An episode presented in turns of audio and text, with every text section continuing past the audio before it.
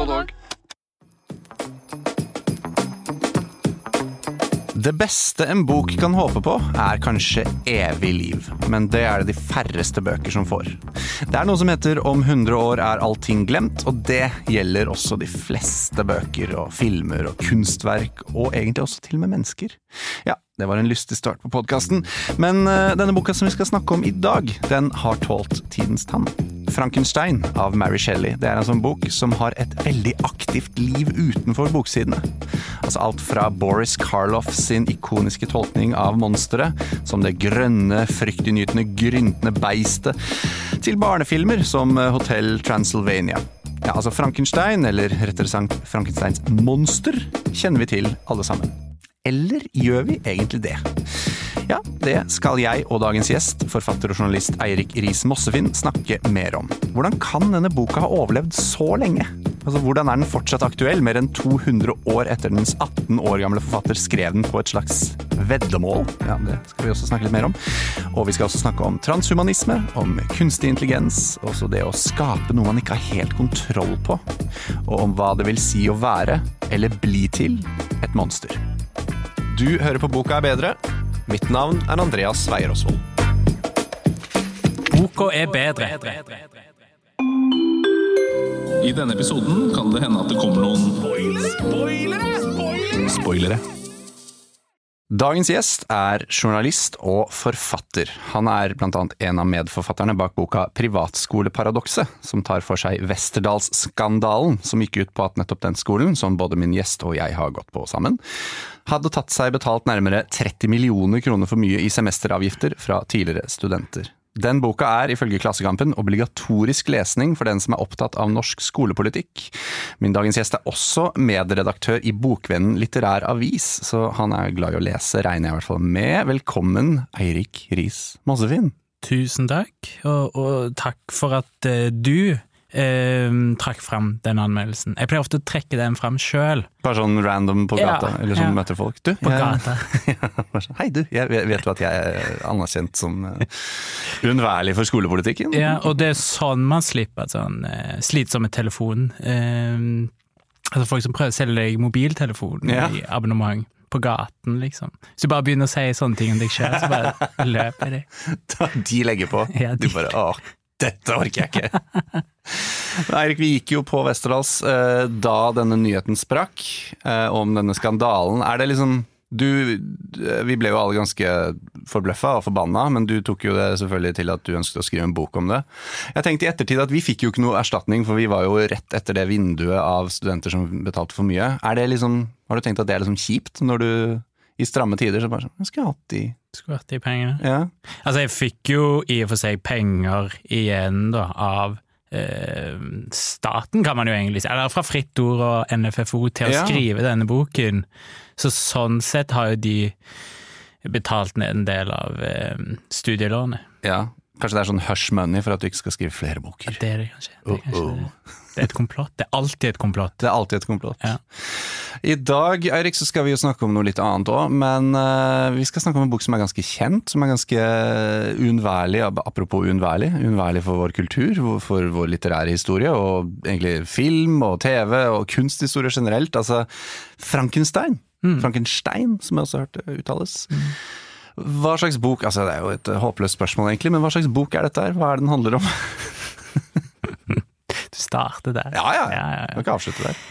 Eh, Frankenstein en, eh, det er en brevroman, faktisk. Det er jo kanskje en ting som overrasker Ja. mange første gang de leser den. Altså, den er skrevet eh, som egentlig bare flere brev Mm. fra en eh, kaptein, kaptein Walton, Mm. til sin søster, som, som møter da Victor Frankenstein. Eh, og her òg er det jo igjen en misforståelse. Av og til i alle fall er det noen som antar at Frankenstein er monsteret, men Victor Frankenstein er da et menneske Ja. som skaper et monster. Mm. Eh, romanen er skrevet av Mary Shelley. Hun er også et ganske um, interessant menneske, Mm. Virkelig. virkelig. Eh, Skrev da hun var 18? 19? Skrev han var 1819. Hun var da gift med Percy Shelley, en sånn kjent eh, poet i, i romantikken. Og hun var òg datter av eh, William Godwin og Mary Wollstonecraft, som var Ja. to sånne ja, opplysningsmennesker, kan vi vel egentlig si, på, på 1700-tallet. Ja, Wollstonecraft eh, krediteres ofte med å være en av de viktigste kvinnene for å være med på å gi kvinner stemmerett, Mm, eh, mm. hvis jeg forstår riktig. Ja, hun er vel på en måte sånn eh, protofeminist, da. Ja. Sånn feminist før det fantes, før det begrepet fantes, da. Ja. Eh, og skrev en, en bok som var eh, et eh, forsvar for kvinners rettigheter, Mm. som det vel egentlig heter. Ja. Eh, men mora døde da når, når Mary bare var et halvt år gammel, tror jeg. Mm. Eh, ja, så hun skrev denne romanen Egentlig, det begynte som en idé eh, i Altså på en tur eh, sammen med blant annet Percy Shelley og lord Byron. Ja, en annen kjent mm. eh, annen kjent poet. Mm. Virkelig stor poet i sin samtid. da. Um, de skulle lage De utfordra hverandre til å skrive spøkelseshistorier mm. på denne ferien, og da, um, da kom til slutt Mary Shelley opp med den ideen Mm. om den ambisiøse unge herren som, som laget et monster. I Eh, forordet til boka, eh, må bare nevne det, at i forordet til den boka jeg har i hvert fall, så Mm. nevnes det at de andres bidrag, det, det, det er vel fortapt i historien. Altså i denne spøkelses... Uh... Ja, altså det var en doktor med som het Polodori, tror jeg han heter. Hans bidrag eh, fins Mm. ah, ja, dag i dag. Ja. Eh, det er en av de første vampyrhistoriene som er ja, stemmer. Ja, Mm. ikke sant. Så her er det Det er veldig viktig, viktig sleepover camp, eller hva man skal kalle det, Ja. for litteraturhistorien. veldig Ja, for hele kulturhistorien, Ja, egentlig. Ja, ja. Men uh, Victor Frankenstein dukker opp i, i brevene til denne kapteinen i historien, og der får vi, vite om en historie som vi alle har, eh, alle har et slags forhold til. Mm. Victor Frankenstein er en vitenskapsmann um, som skaper et monster. Mm. Og derfra, ja da bare baller det på seg. Ja, det baller på seg, det virkelig. Nei, altså Og det er òg veldig interessant den romanen. Altså, den er, først får du da på en måte Frankensteins historie fortalt i Waltons ord, Mm. og så får du etterpå Frankensteins historie fortalt Nei, altså monsteret sin historie fortalt via Frankenstein sine ord, igjen via Walton sine ord, da. Som liksom- skriver til søsteren sin. Som skriver til søsteren, og Ja. det, er ditt- det, det er det vi leser, da. Ehm, og Frankenstein, altså han, han blir jo uh, lagt på egentlig nokså uh, mystisk vis. Det, det står ikke i klartekst akkurat hvordan altså Monsteret blir lagt Ja. på nokså mystisk vis. Og det står liksom ikke tydelig i teksten akkurat hvordan man gjør det, Mm. for dette er òg liksom en advarsel, og, og, um, og Viktor Frankenstein vil ikke måte, gi en oppskrift på hvordan man lager et sånn, et sånn vesen. Nei, det kommer jo veldig fram etter hvert. Mm. Eh, og eh, dette vesenet forsvinner, Uh, og vi får siden vite at det på en måte har uh, lært seg uh, Lært seg å kjenne menneskene, lært seg å kjenne språket, lært seg å kjenne historien og litteraturen. Mm. Eh, og siden blir veldig ensom, da. Ja, for dette er Faktisk også kanskje en incel. Jeg tenker ofte på han som en slags incel. Han har litt sånn incel-diskurs. Ja, eh, ja, ja, at han må ha en make, men det vil han aldri få. Ja, at han blir veldig sint, selvfølgelig blir veldig sint når han ikke hører til. Og, og her, dette er jo et veldig tydelig brudd også, som jeg var ikke klar over da jeg, jeg leste jo denne boka først nå, da Mm. vi skulle snakke om den. Um, og, og, og han, altså bare det at han kan snakke, Mm. mon- monsteret, veldig intelligent, og har jo Mm. lest, lærer seg å lese og leser flere viktige, viktige verker. Jeg husker ikke akkurat hvem det er snakk om, men eh, toneangivende forfattere og, og verker da, som, som gjør at han forstår verden, og så observerer han en familie som gjør at han forstår hvordan mennesker interagerer i en familie og i et kjærlighet, også i et sånt kjærlighetsforhold. Så han, han liksom absorberer eh, hvordan vi mennesker snakker sammen, og hvordan vi fungerer. Og det, er jo ikke det bildet vi har av Frankensteins monster. Da har vi jo denne fyren som liksom, grønne monsteret som går og sier 'grr', holder hendene ut. Liksom. Altså, det, det er jo en helt annen monster vi møter her. Absolutt. Altså Det man kunne jo si, er jo at eh, monsterets ulykke er jo nettopp det at den lærer seg å kjenne den menneskelige verden. Ja. Eh, fordi den da forstår at dette vil jeg aldri kunne bli en del av. Jeg vil alltid være på utsiden av dette. ja.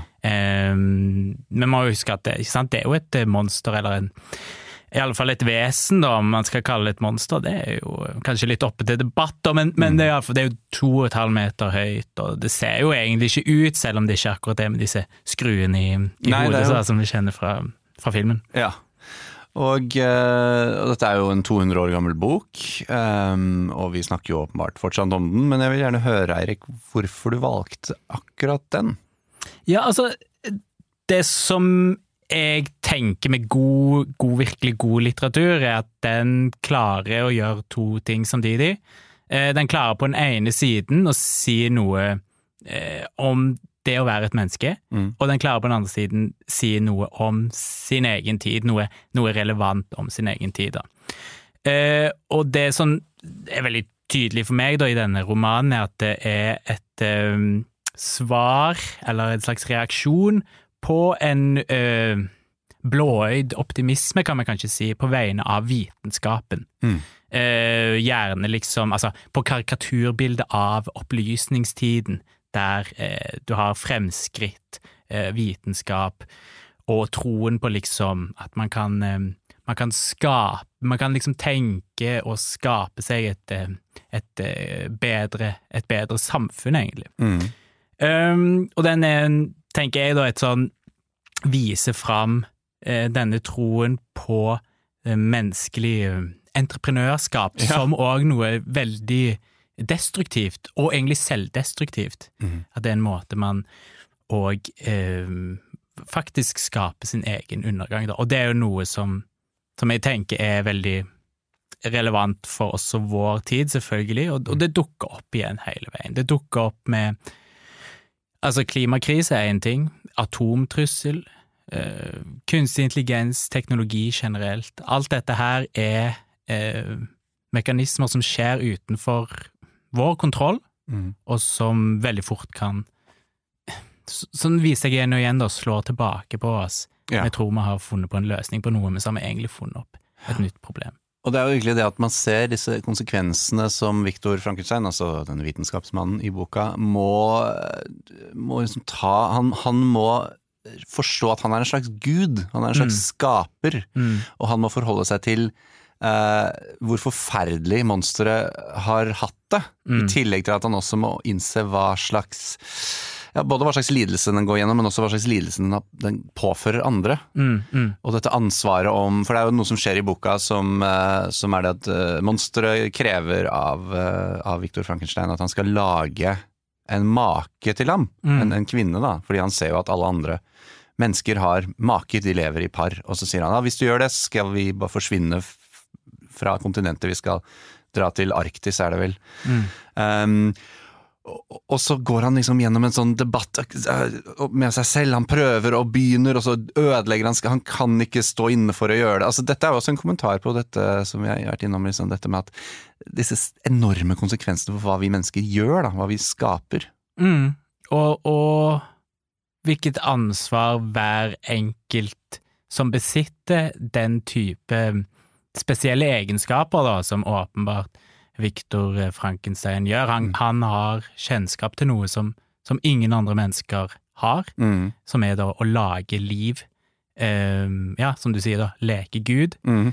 Det å leke Gud har jo på en måte Det har jo alltid vært en drøm for, for menneskene, da. Ja.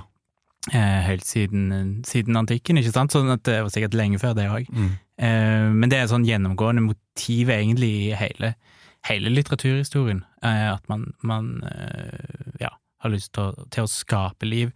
Og, og akkurat denne diskusjonen, denne indre debatten som han har med seg sjøl, er en sånn Det er et sånn, eh, hva skal man si, et sånn tipping point, da Mm. der om han lager en make, så kan to ting skje. Løftet til, til vesenet kan bli holdt, og de flytter, eller de lager en de lager barn. ja, og liksom Og det er singulariteten, da. Det er Ja. at da spinner ting helt ut av kontroll.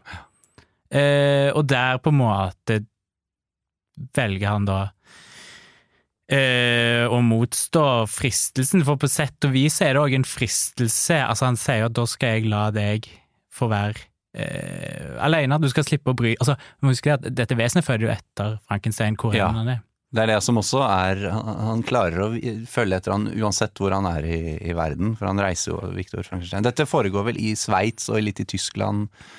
Uh, Ja, og i Skottland, eh, Ja. hvor han da har disse tankene, og, og i, ja, i Storbritannia generelt, da. Og, og, men altså, brevene er jo skrevet fra isødet på vei mot uh, Arktis. ja. Så det er jo, dekker jo et veldig stort geografisk område, og de Mm. beveger seg veldig raskt fra sted til sted. Monsteret er jo òg veldig, veldig kjapt. Ja, det er, også litt sånn, det er ikke vi vant til fra filmene hvor de Nei. liksom loffer seg av gårde veldig Ja. Men... Du, nå har vi eh, snakket en del om eh, denne boka, og jeg tenker kanskje vi skulle prøvd å Har du lyst til å lese noe fra den? Ja, Mm. det kan jeg gjøre. Ja. Eh, Da har jeg valgt et uh, utdrag fra mm, Det er kapittel 16.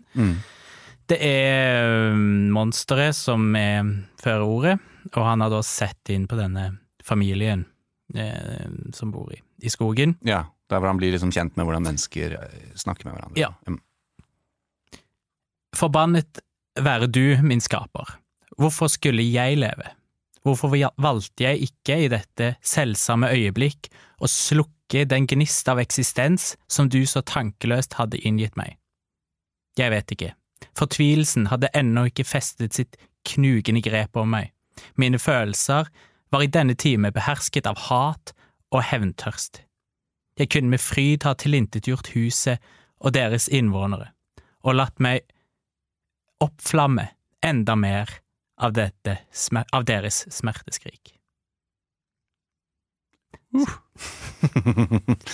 Ja, ikke sant. Det er jo noe liksom bibelsk over dette òg. Liksom, Ja. uh, hvorfor har du forlatt meg, uh, min skaper? Og, ja, det, det resonnerer jo både liksom tilbake i tid til, liksom Bibel, eh, til Bibelen, og, og vi forstår hva dette, dette dilemmaet hans i dag òg. Absolutt, og en av, de, altså en av disse bøkene som som monsteret blir kjent med, Eh, Paradise Lost Ja. av Milton. Mm. som handler om egentlig Altså, det er skapelsen, men det handler jo egentlig stort Altså, hovedpoenget er jo skapelsen av eh, Lucifer, djevelen. Mm. Eh, den falne engel. Og, og dette her er jo egentlig det monsteret er. Den er litt Adam og Eva. Mm. Den er litt djevelen. Mm. Den er begge deler, egentlig. Ehm, og det vil òg da si at selvfølgelig, som du sier da, Victor er en gud. Det skal òg sies at i Paradise Lost så kalles Gud for Victor. Og Ah. han er jo på en måte herskeren, eller vinneren, da, ikke sant? Ah, ja, så navnet er nok neppe tilfeldig. Kan Nei, det tror jeg ikke. Men det er òg ironisk, da, fordi han taper jo alt, så han er jo ingen Victor. Nei, nettopp. Det, det samme er òg hun Det fins en, en kvinnelig karakter her som blir utsatt for egentlig et justismord, Ja. og hun heter Justine. Så det er sånne ironiske Ja. eh, navn som, eh, som går gjennom hele boken. Um, du har jo vært eh, inne på noen av disse temaene, men vi må nesten snakke om det store temaet, kunstig intelligens, AI. Mm. Hvordan Hva kan denne boka her Hvordan resonnerer den med det temaet i bakhodet, syns du? Jeg synes det er interessant, fordi at den, den sier noe om Det ene aspektet den er veldig inne på, er jo dette spørsmålet hva er egentlig å være et menneske? Mm. Eh, hva er den menneskelige bevissthet? Hvordan kan den egentlig skilles fra andre typer bevisstheter? Eh, og på sett og vis så lærer man jo at nei, kanskje egentlig ikke, da. I alle fall ikke mellom da disse to, hva skal man si, disse to ulike vesenene, da. Eh, Frankenstein og denne skapningen. De er, mye, de er mye likere enn det man skulle tro. De er nesten å anse som dobbeltgjengere eh, til tider. Et godt råd fra Apotek 1. Påsken markerer starten på solkremsesongen. Og når du skal ut og nyte solstrålene, bør solkremen allerede være på. Mange av oss har ikke sett sola i vinter. Derfor trenger den vinterbleke huden ekstra god solbeskyttelse. Husk solkrem selv om det er overskyet, og at snø og sjø gir økt reflektering av solstrålene. Kom innom og få råd på ditt nærmeste Apotek 1, eller chat med oss på apotek1.no. Apotek 1 vår kunnskap, din trygghet. Eh, det som slo meg når jeg leste den igjen, at det som gjør at man får sympati med vesenet, er nettopp at den har eh, tvil om sin egen, Ja. sitt eget liv, sin egen bevissthet, sin egen eksistens. Mhm. Det eh, tenkte jeg på underveis, at det her er, det her er akkurat det er der det ligger. Det er det som egentlig er det som gjør det menneskelig. Mm. Har du noen gang snakka med det man kaller da en kunstig intelligens, så forstår man at den har jo på en måte ingen Den har ikke det metalaget på Nei. den måten. Den vil aldri ha noen tvil om sin egen Du får ikke Eller jeg har i alle fall til gode å møte en kunstig intelligens med eksistensiell angst, da. Eller frykt for å være aleine. Ja, ja. Ehm, sånn at der tror jeg på en måte det, det, Der gikk det opp en sånn aha, det her, det her Det er derfor det liksom er så pussig da å snakke med disse språkmaskinene, da, som Ja. det egentlig på sett og vis er. Men samtidig så er det jo det andre aspektet, da, at, at ehm, disse menneskene som sitter med uh, kontrollen over uh, disse kunstige intelligensene, som kan utvikle videre, ja. har jo et usedvanlig ansvar. Eh, eller de får en så stor makt, da. Ja. De får den samme makten som Frankenstein får. Ja. Og i dag har vi også altså Det finnes jo de som sier vi må, vi må stoppe eller bremse utviklingen. Ja, absolutt. Og jeg tror jo på en måte flere teknologer burde lese gamle bøker. Det, hvis jeg skulle gitt de en- Kanskje til og med bare flere bøker Generelt, ja, ja, det tror jeg virkelig, da. Um, jeg har jo snakka med folk som går på sånn teknologiutdanninger og sånn, og de, det er jo ikke Det er først og fremst, ikke sant, det først Det handler om håndverket, Ja. vitenskapen i seg sjøl, og ikke på en måte det større eh, sosiale eller politiske som det inngår i, da. Ja, og det er jo noe som, som du sa i sted, at liksom dette er jo viktig for Victor Frankenstein, er at øh, han vil, få, han vil gjøre dette, dette store, han vil bringe, eh, altså skape liv, skape et menneske, og han gjør det fordi dette er et ærefullt, eh, en ærefull ting han kan gjøre. Han, han, han vil bli den første. Det er all about victory, ikke sant? Victor. Eh, og så, så, så har han ikke den tvilen, da, før han faktisk ser eh, hva han har skapt. Mm. Og det skjer jo egentlig med en gang. Han, eh, med en gang monsteret, eller vesenet, da, reiser seg og møter hans øyne, så får han med en gang dette 'Å, dette burde jeg ikke gjort'. Mm, absolutt, og, og det er jo òg veldig tydelig en advarsel mot den type sånn overmot. Ja. Hybris, eh, som det kalles, eh, som man ser igjen da, for eksempel i myten om Faust, Mm. eh, som Goethe, Goethe skrev sin Faust rundt cirka samme tid, Mm. om da den eh, ambisiøse unge vitenskapsmannen som inngår en avtale med djevelen for Ja, det å er få eh, på en måte full, full kunnskap, full viten, fullt av full, bli allmektig da, egentlig, på sett og vis. Eh, så dette er jo på en måte en sånn, det er jo sånn tegn i tiden. Eh, det er òg veldig interessant, det slo meg òg da jeg leste den igjen, sånn, ja, selvfølgelig er det en mann. Mm. Det ser man jo òg blant dagens Ja. teknologer, hvor mange liksom Altså Elon Musk, Mark Zuckerberg, eh, Jeff Bezos Det er jo ikke, mange, det er jo ikke så mange måte kvinner, da. Eh, så det er et eller annet med en sånn eh, fall denne forestillingen om liksom det mannlige geniet, da. Ja, jeg får et sånt bilde av en sånn mann mot natur, liksom Mm. skal trosse Gud, eller hva man kaller Gud. eh, Ja. Naturkreftene, altså naturlovene, ikke minst. Altså, Mm. det, det viktige her er å vinne over det som er etablert som uovervinnelig, kanskje. Mm, absolutt. Eh, og det, altså boken har jo òg en undertittel. Ja. som er eh, The Modern Prometheus. Mm. Altså den moderne Prometheus. Og Prometheus er jo en eh, Han er fra gresk mytologi. Eh, det finnes to ulike, i alle fall sånn store eh, versjoner av hva han holder på med. Den ene er at han er den som gir eh, puste liv inn i menneskene, om jeg husker rett. Den andre er at han stjeler ilden fra eh, Sevs og gir til menneskene. Aha. Um, sånn at det å tross, og det vil man jo se på som en veldig god ting, da. Mm. Det at eh, menneskene fikk måtte, tilgang til ilden. Uten det så hadde det jo eh, Det hadde ikke blitt noe grilling i kveld da, hvis hvis ikke for meg hvis jeg hadde gjort dette. Men, men um, det er det som er så interessant, da. At, eh, sånn at det, det er på en måte òg et gode òg å trosse liksom autoriteten, eller det, det vi ser på som selvsagt. Mm. Men òg det har en veldig stor bakside, da. Flammen er jo på en måte Det gir liv, men det tar jo òg vanvittig. Ja. Det er veldig destruktivt Og så har man satt i gang en eh, slags snøballeffekt med at Mm. menneskene i sin eh, Altså, er jo vi er jo destruktive. Vi, eh, vi også. Så hvis Mm. man skaper det, så har man jo skapt den snøballeffekten. Ja, Mer destruksjon, mer destruktiv atferd. ja, og man kan aldri vende tilbake til en tilstand Ja. før, da. Ikke sant. Um, du Da jeg spurte deg om hvilken bok du ville snakke om, så nevnte du kunstig intelligens, og så nevnte du et begrep som jeg på en måte har hørt, men som jeg ikke er, må innrømme at jeg ikke er så veldig kjent med, og det er transhumanisme. Mm. Kan du fortelle litt eh, altså Først og fremst forklare hva det er? Altså Transhumanisme, sånn som jeg har forstått det, i alle fall. Nå, nå skal jeg ikke si at jeg er jo ingen ekspert på kunstig intelligens eller transhumanisme, men transhumanisme er vel en sånn tro på at mennesket skal kunne overvinne de liksom livsvilkårene vi egentlig vanligvis er underlagt, da. Ja. Eh, For eksempel det å leve for alltid eh, er vel en sånn um, transhumanistisk idé, da. Ja. Um, enten i form av at man skal kunne uh, gjenopplive uh, Ja. mennesker, eller om man skal liksom koble bevisstheten sin i, på skyen, da. Mm. Altså all den type ideer. Eh, veldig ofte kobla til nettopp døden, som, som er jo den det virkelig siste store hinderet vi har igjen, da. Mm.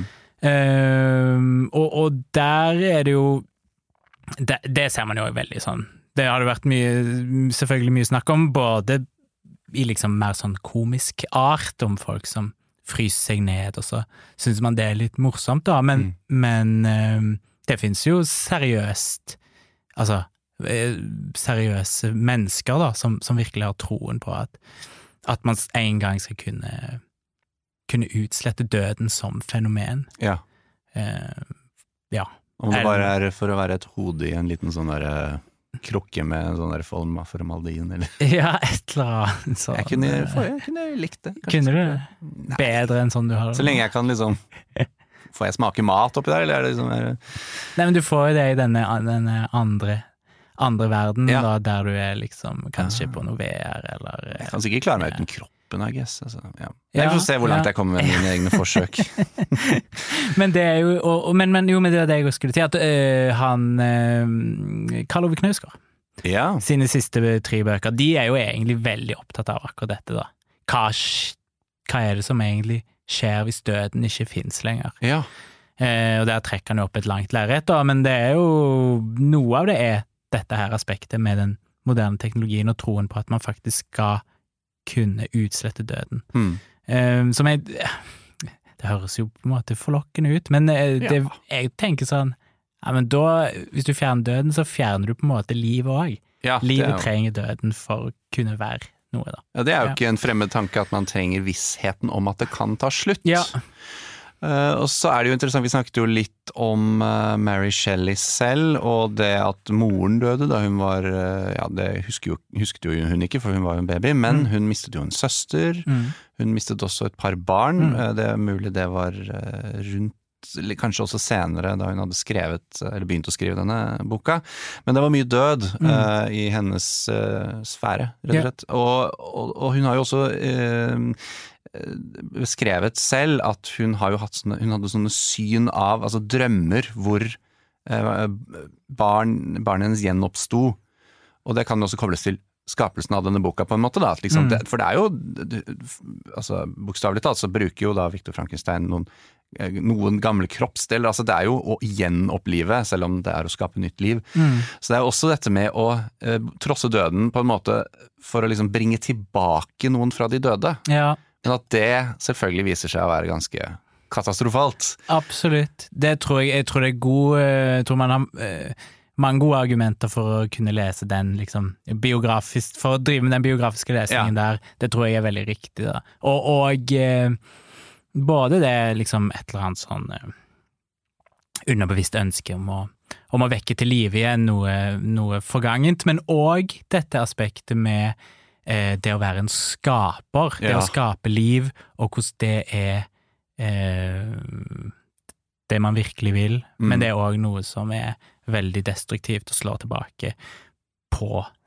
s- egenskaper. Da. Mm. Sånn er det sikkert å være forelder generelt, er det ikke det, Andreas? Jo, jeg har jo to barn. Jeg har jo skapt to liv. Jeg har har ikke gjort det på et laboratoriebord og sagt 'it's alive'. Nei, okay. Nei, ikke helt. Men Nei. det er jo Det er jo en slags eh, skjønnhet i det. Eller det er jo det. Ja, ja, ja. Det at man, eh, vi kan alle skape liv. Um, Ja, og det er jo òg sånn en sånn klassisk måte man kan lese romanen på, er òg det som kalles metapoetisk. Mm. Det er òg en roman om å skape litteratur. Ja, det er det jo. Eh, når du skaper litteratur, da skaper du liv. Mm. Når, når, og, og Mary Shelley var jo for det første veldig ung.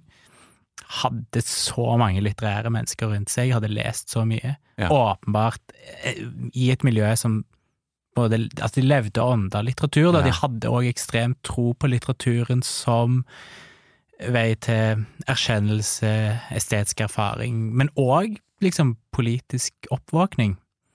Sånn at det å, å være en forfatter Mm. er òg en del av dette aspe aspektet. Og Walton er jo òg For det første så skriver han jo disse brevene. Ja. Eh, For det andre så er han jo òg Han sier et eller annet sted i starten at han At han er liksom en mislykka forfatter, da. Mm. Ja, ja, Men så stemmer. skaper han jo på en måte denne fantastiske romanen. Ja, ja. Det, ja. Og og vi snakket så vidt om det før vi gikk inn i studio her, at uh, det er jo Altså, vi har begge hatt denne opplevelsen at dette er jo en veldig overraskende god og liksom drivende roman, da. Mm. Uh, hvordan, hvordan, hva tenker du om eh, at den er jo 205 år gammel i år? Um, den, er den spennende? Er det, er det en god roman, altså en historie som altså er drivende, eller er det mest liksom det at den er interess interessant og historisk? Jeg syns jo virkelig den er veldig spennende, iallfall altså sånn konvensjonelt spennende. Mm. Ehm, det som kanskje er litt overraskende, er jo at den er egentlig veldig eh, lite i og for seg Altså, det skjer veldig mye, men den er ganske lite handlingsdrevet. Ja, Det er veldig mye indre kvaler, da, Mm. eh, som nok kan føles litt repetitivt til tider. Mm. Men det er òg en Jeg mener det er veldig effektfullt da, for å skape den følelsen av Det fins ingen utvei. Det fins ingen Ja. annen løsning, da. Du er låst i dette ufattelige dilemmaet. Um, sånn at eh, jeg tror jo på en måte flere ville hatt eh, stor glede av å lese denne boken. Mm. Man kan gjerne, gjerne på, på norsk, liksom. Det, det er ikke så lenge siden det kom ut en nynorsk eh, oversettelse. ja? Som visstnok skal være veldig god. Jeg har ikke sett på den sjøl. Men ehm, Nei, så jeg, jeg anbefaler det. Og, og det er jo òg noe med det å gå tilbake til der et eller annet sånn kulturelt eh, symbol starta, da. Mm. Eh, gå tilbake til kjernen. Eh, vi var jo Jeg nevnte jo det for deg her om dagen, at eh, Helt sikker på at eh, Mathias Fallbakken gjorde det Ja. når han eh, skrev eh, VR5, som er en ro veldig morsom og intelligent roman. Ja, for de øh, Jeg inkluderer dessverre meg selv der, men de som ikke har fått lest den, hva, hva, hva er det som bringer øh, tankene dine til Frankenstein når du Altså, VR5 er en eh, tar utgangspunkt i en familie på fire, Ja. hvor familiefaren finner opp egentlig en levende leirklump. Mm. Han finner ut en måte denne, han kan få denne leirklumpen til å leve, da, og denne leirklumpen blir etter hvert en del av familien. da. Den blir da det, det femte hjulet på vogna i denne familien. Um, og der er det òg en sånn Altså, der er det tatt ut i det liksom det komiske aspektet, men òg det liksom apokalyptiske aspektet. Det er et eller annet, så det er litt utydelig på slutten, det får jo folk òg lese sjøl, men, men det er noe mm, virkelig destruktivt over dette systemet. Um, men denne leirklumpen begynner på en måte å leve i da, denne lille norske bygda, Ja. eh, før den til slutt, da, på sett og vis begynner å vende seg mot, eh, mot sine medskapninger. Ja. Og det er en uh, interessant figur, og der tror jeg òg sånn ja, For det første er jeg helt sikker på at Fallbakken har lest, eller lest igjen sikkert òg, uh, Frankenstein for å i, i forbindelse med den romanen. Eh, jeg er òg ganske sikker på at han har òg vært Det er noen sånne koblinger der til, mm, til det teknologiske, Mm. eh, som han egentlig leker seg ganske fiffig med der. Så det er, men det er en roman som anbefales. ja. Ja. Jeg tror det er andre gang den har kommet opp i, øh, i denne podkasten, faktisk. Ja. Så da er det dobbelt så stor anbefaling, altså. Til Ja, ja. Um, måten den har blitt, altså Frankenstein har blitt filmatisert, eller gjort uh, videreført, da kan man si, gjennom historien, er jo ganske interessant. Fordi vi har vært inne på det at øh, han er eh, Hvis vi ser for oss denne grønne, gryntende sværingen som når vi leser boka, er jo ikke sånn i det hele tatt. Eh, Blir beskrevet som sånn ja, grotesk, men ikke grønn, eller kanskje gul. liksom Gusten og, og, og veldig intelligent. Men, men det er jo ikke tilfellet i de aller fleste versjoner av Frankenstein, og det er jo i, det er ikke noe Igor i, i denne boka her, og det er jo ikke noe sånn torden og lyn og It's alive! Det, disse ikoniske øyeblikkene som jeg liksom nesten forventet, da. Mm. De er jo ikke der. Nei. Men hva, hva tror du har gått tapt fra eh, hovedfortellingen, altså boka, gjennom disse, denne videreføringen? Eller går det tapt, eller er det bare positivt? Altså, det blir jo på en måte rart å sidestille eh, Hva skal man si En, eh, en roman på 200 sider og et, jeg vet ikke, en sketsj i, i Simpson eller noe sånt. Men, men eh, jeg tror jo at det som er interessant med det, er jo at den har gått fra å være en ekstremt tragisk karakter til en ganske komisk karakter. Ja. Eh, som jeg egentlig ikke har noen veldig god fortolkning på, eh, annet enn at den begynner på en måte å ligne mer og mer på eh, mer en sånn zombie, kanskje. Mm. Og zombie er jo det er vel et poeng som den slovenske filosofen Zizek sier at det at eh, vampyrene det er aristokratene, og så har du eh, zombiene det er proletarene, da. Ah, Så det er kanskje noe sånn at det, da må på en måte den, den blir liksom I den virkelig moderne verden så blir liksom denne mekaniske skapningen Ja. eh, mer lik liksom en sånn Chaplin-aktig arbeider ja. enn en sånn eh, hva skal man si, klassisk eh, tidlig 1800-talls danna Ja. vesen, da. Og på en måte eh, med fri vilje, men, men på en måte bare fri vilje til å på en måte knuse og Ja. gjøre veldig simple ting, nesten som en sånn fjernstyrt robot som Ja, ikke ja. lenger du kan kontrollere. Absolutt. Mens i boka så er den eh, tenkende, angrende, som du sa, tvilende. Ja. Mye mer uh, mangefasettert. Ja. Et ekte menneske, nesten. ja Eller nesten. Ja. Det er kanskje dette nesten. Ja. og det er akkurat det som er så utrolig interessant. Ja. At det nestene fins.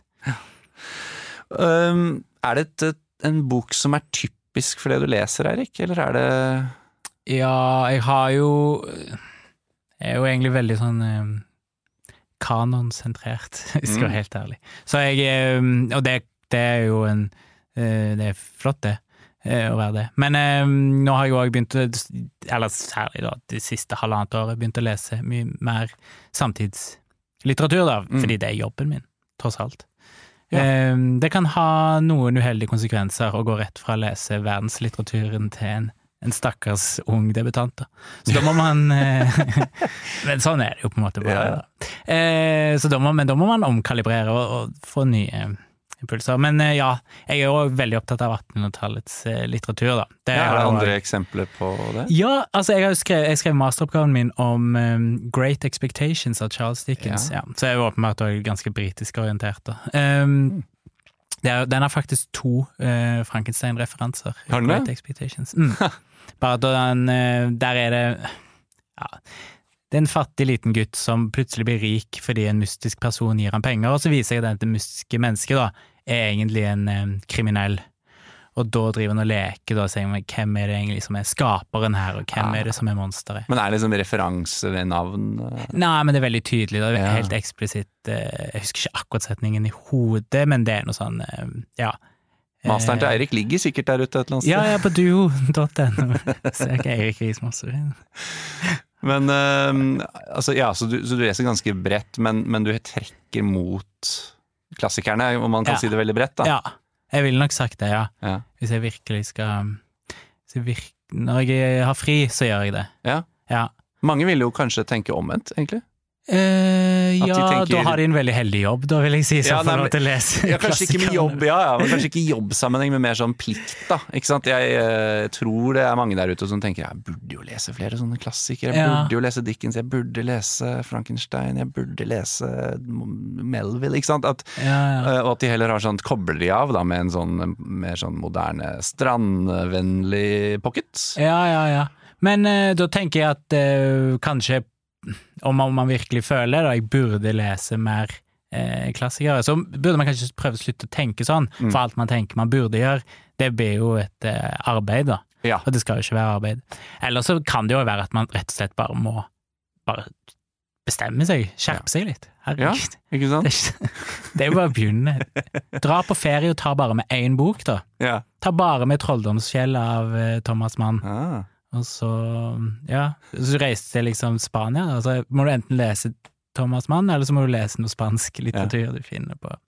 For det jeg opplever, når vi eh, snakker om, når man snakker om sånne gamle bøker, og når man leser disse type romanene som man kanskje bare har sett eller hørt om gjennom andre ting, som filmer og Mm. eh, gjennom kulturen generelt, det er jo det at man blir alltid overraska over hvor liksom underholdende eller morsom eller faktisk liksom spennende på et moderne vis Ja, de er, da. Og det er kanskje noe folk kan ta med seg. ja, det tror jeg. Jeg, har en, egentlig en hypotese om at eh, måten man lærer bort eh, veldig mye altså Ibsen, for eksempel, Ja. på, på ungdoms- og videregående skole ødelegger veldig mye av lysten til å oppdage eldre litteratur. Da, at den blir veldig sånn Et dukkehjem, det handler om kvinnekamp. Og det, der er det ferdig. Ja. Istedenfor å på en måte eh, leke Nå vet jeg ikke, nå, nå, det, ble jo, det er jo lenge siden jeg gikk på, på skolen, da. Men det bare var mitt inntrykk at da jeg for eksempel leste Ibsen igjen, at det var sånn Å, herregud. Dette er jo veldig underholdende. Ja, ikke sant? Dette er ikke liksom bare sånn Vi holder ikke kunstig liv i den type litteratur, gjør vi det? Det må jo overleve fordi det er vilje til å lese det også, Ja, og det er det vel òg, tror Ja. jeg. Mm. og det er bra. Mm. Um, hvem, altså Som en fyr som jobber med litteratur, og som skriver selv, så vil jeg jo regne med at du dukker, på, altså dukker opp folk i livet ditt som spør deg om du har noen lesetips om hva de burde lese. Hvem er det du på en måte anbefaler Frankenstein av eh, Mary Shelley til? Hvem er den personen, liksom? Navn og personnummer. Ja, da må jeg gå gjennom eh, Rolledexen. rolleteksten der jeg har alle personnumrene til alle jeg kjenner. Ja, ja. Hvorfor ikke? Nei, jeg, eh, du, du vil ha en sånn Westerdals-karakter, du? Altså, nei, Det sitter to 33. Westerdals-karakterer her. Så. Ja. Nei, er det, er det en, eh, hvem er det du ville vært komfortabel Hva slags type person er det du er komfortabel med å si du burde lese den, og du vil, Ja. og du vil like den? Eh, folk som er opptatt av science fiction, bør iallfall lese den. For Ja. det er jo egentlig Det går for på en måte å være den første science fiction-romanen. Ja. Så hvis du skal være opptatt av det, så bør du jo lese den aller første, da, syns jeg.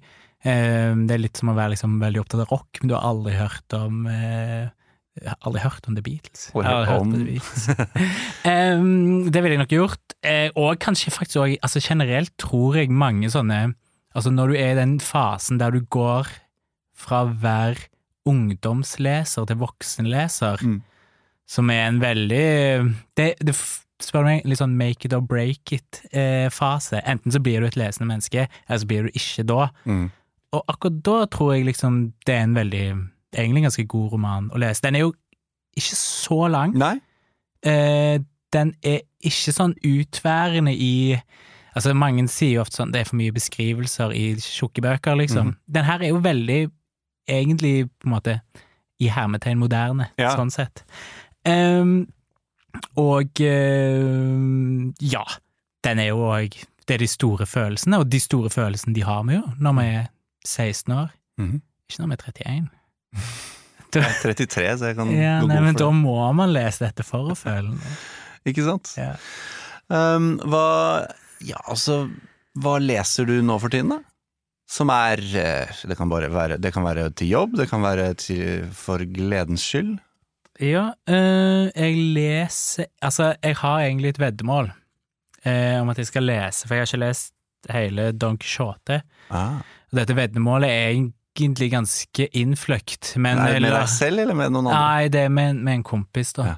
Så hvis jeg ikke klarer å lese Don Quijote i løpet av året, så må jeg sette det opp eh, som one man show på Edderkoppen.